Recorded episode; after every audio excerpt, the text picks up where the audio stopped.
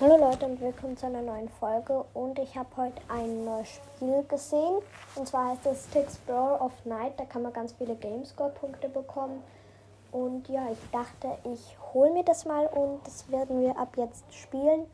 Frohes neues Jahr übrigens. So. Und ja.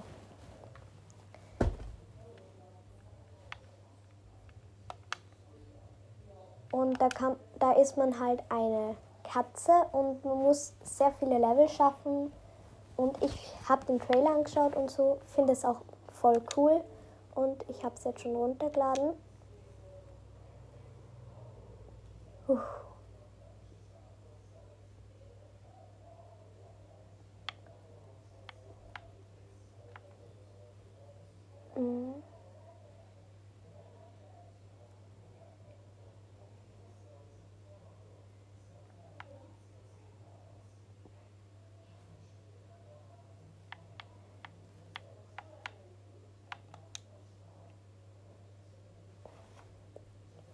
Okay, wir sehen uns gleich, wenn ich das, wenn das fertig geladen ist.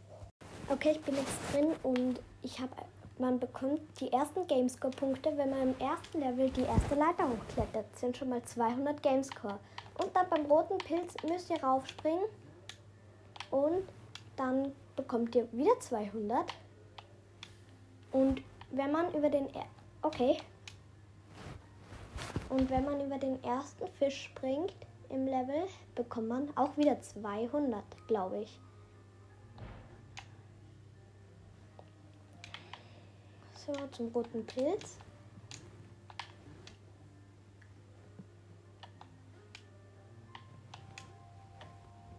Okay, wir den ersten Fisch. Und ich habe wieder 200.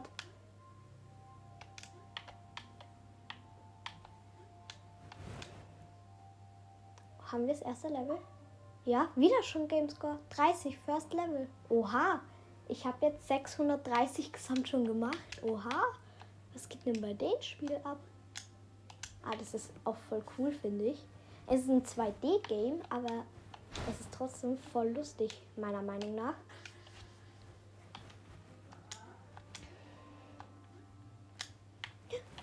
Fisch.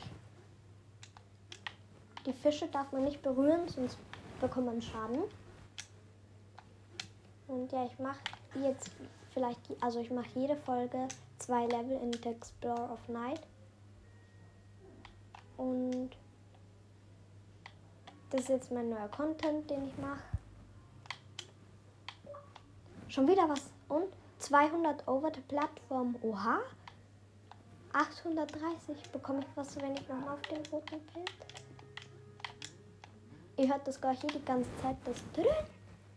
Und da bekommt, das sind einfach Gamescore, die ich immer bekomme. Also, what the? Den ersten Frosch, da kann man auch was machen, da muss man drauf springen und man bekommt 30 wieder. 860 jetzt schon. Also, das kann man machen. Wieder ein Erfolg. 200 Second Level. Übertreibt mal nicht. Schon wieder. 200. Junge. Ist es hier ernst?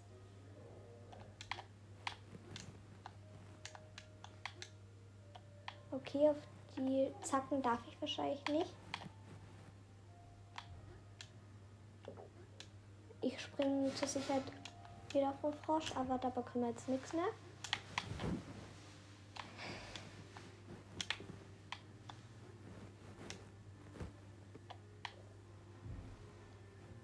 So, Leiter rauf.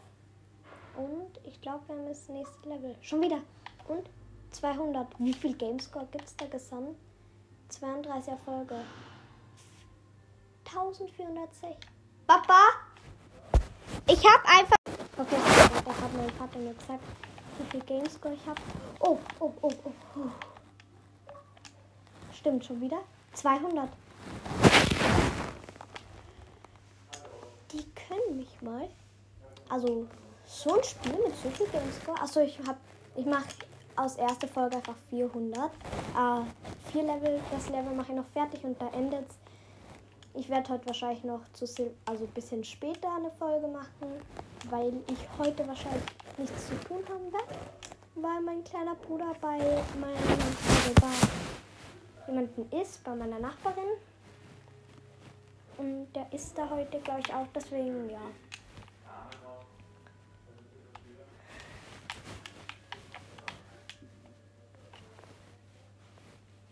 Ich finde dieses Spiel for real geil. So, da kann man sagen, was man will. Alles hat sich auszahlt.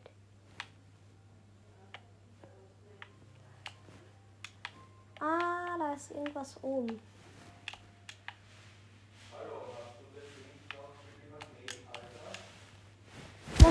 Ein Secret, wo man Gamescore-Punkte bekommt. Ich mag das nämlich zu 100% durchspielen, der Explorer of Night, weil es lustig ist.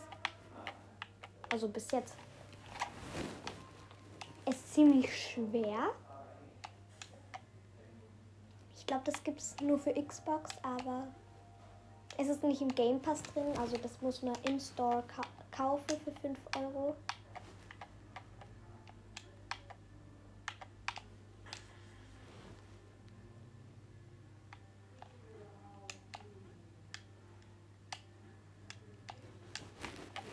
Jetzt ist schon schwerer.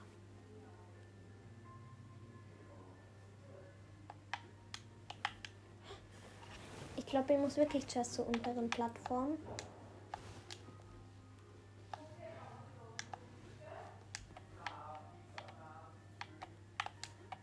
Da ich Englischprofi bin, ich lese mir erstmal die Erfolge durch.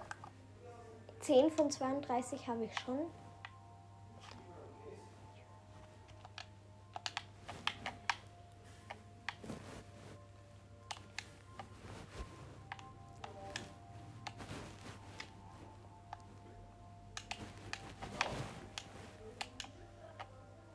4000 gibt es, wie gesagt, dafür. Und 4000 Gamescores sind schon sehr viel für ein 3D, äh, 2D-Spiel. Und da ist man halt so eine kleine, eine weiße Katze und man muss seine Schwester retten.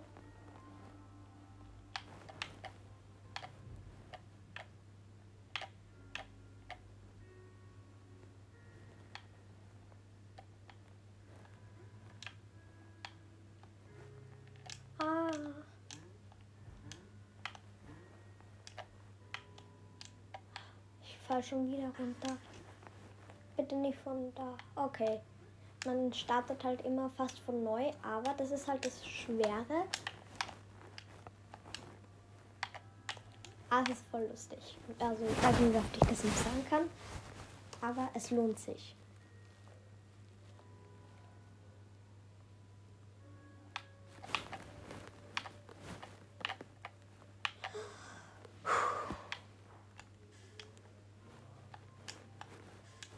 Kostet Nerven. Also dieses Level ist schon schwer. Aber wir ziehen es durch.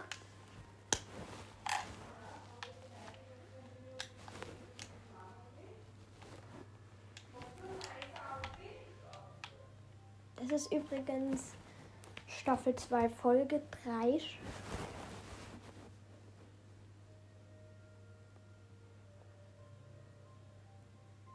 beziehungsweise werde ich jetzt meine Staffelfolgen löschen und fange jetzt an, ab jetzt Staffel 1, da ich jetzt ein Gameplay gefunden habe. Und dieses Gameplay wird jetzt für mich Staffel 2.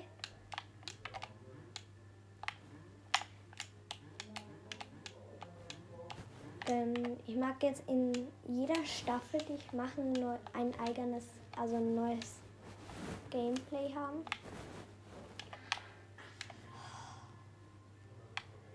Alter, ist das schwer. Muss man da eigentlich rauf oder ist das nur ein Secret?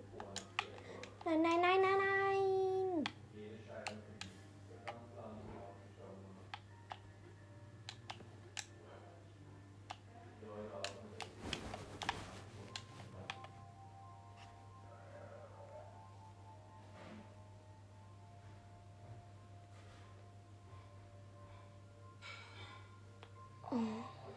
Muss wieder auf die untere Platte warten.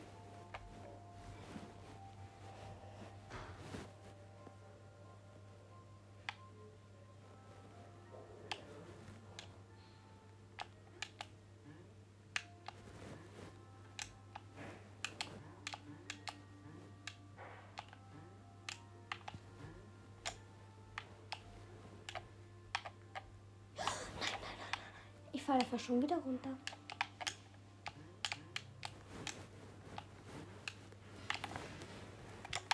Nein! Soll ich nicht? Ich gehe einfach mal weiter. Kann man da eh?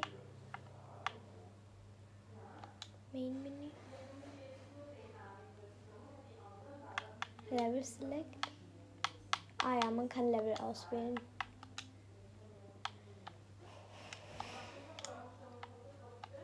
Okay, dann werde ich da erstmal durchgehen und die einfachsten Sachen werde ich machen für Gamescore. Einmal werde ich es noch versuchen, aber wenn ich es da jetzt nicht schaffe, dann komme ich da einfach wieder mal zurück.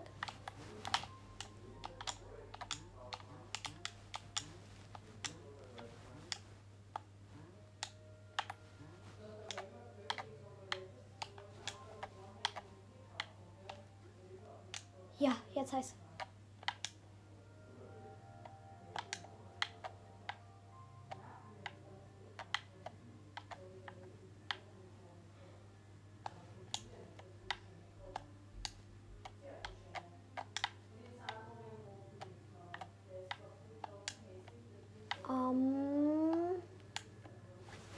warte, muss kurz ein, also nein, doch. Ähm,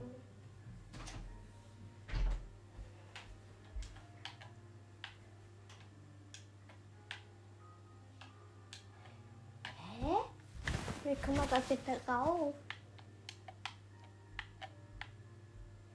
Also das verstehe ich jetzt wirklich nicht.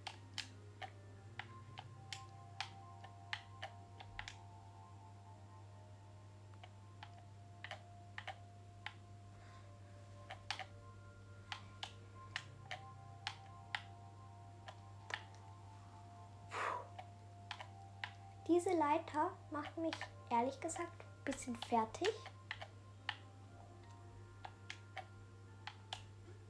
Ja, jetzt da.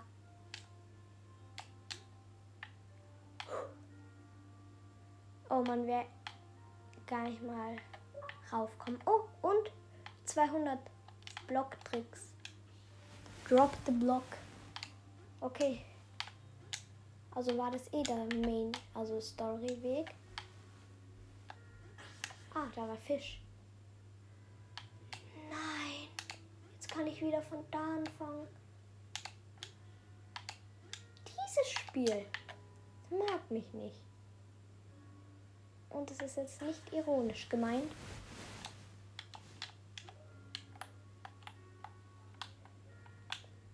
Ah, jetzt weiß ich auch, wie man sich ducken kann.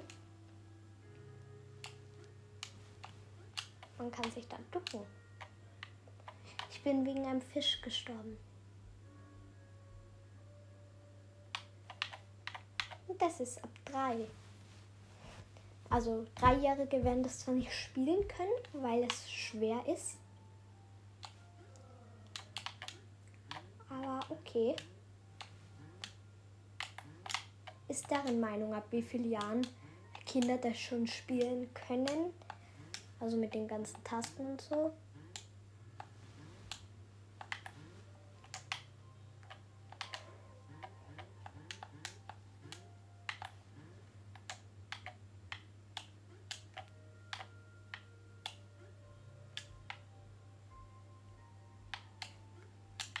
Nein, ich bin jetzt wieder bei dieser blöden Leiter, die mich gar nicht mag.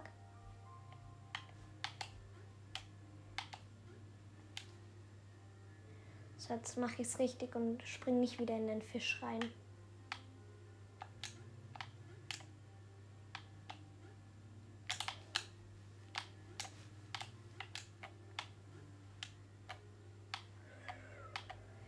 Ich lasse den Fisch einmal raufkommen und springe jetzt rüber.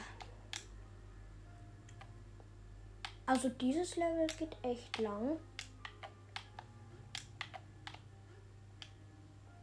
Ich glaube, jetzt habe ich es, oder? Ja, ich hab's. Und 200. Okay, das war's mit der Folge. Und ja, ich glaube, heute am Abend werde ich wieder eine Folge aufnehmen, aber nicht dieses Gameplay, sondern vielleicht Fortnite. Also Fortnite mache ich auch zwischendurch. Aber Staffel 2 ist das da und Fortnite gehört dann noch zu Staffel. Also nein. Ja, das ist alles Staffel 2. Ich lasse die Staffel folgen. Ja. Fortnite wird vielleicht kommen, aber vielleicht auch nicht. Und tschüss.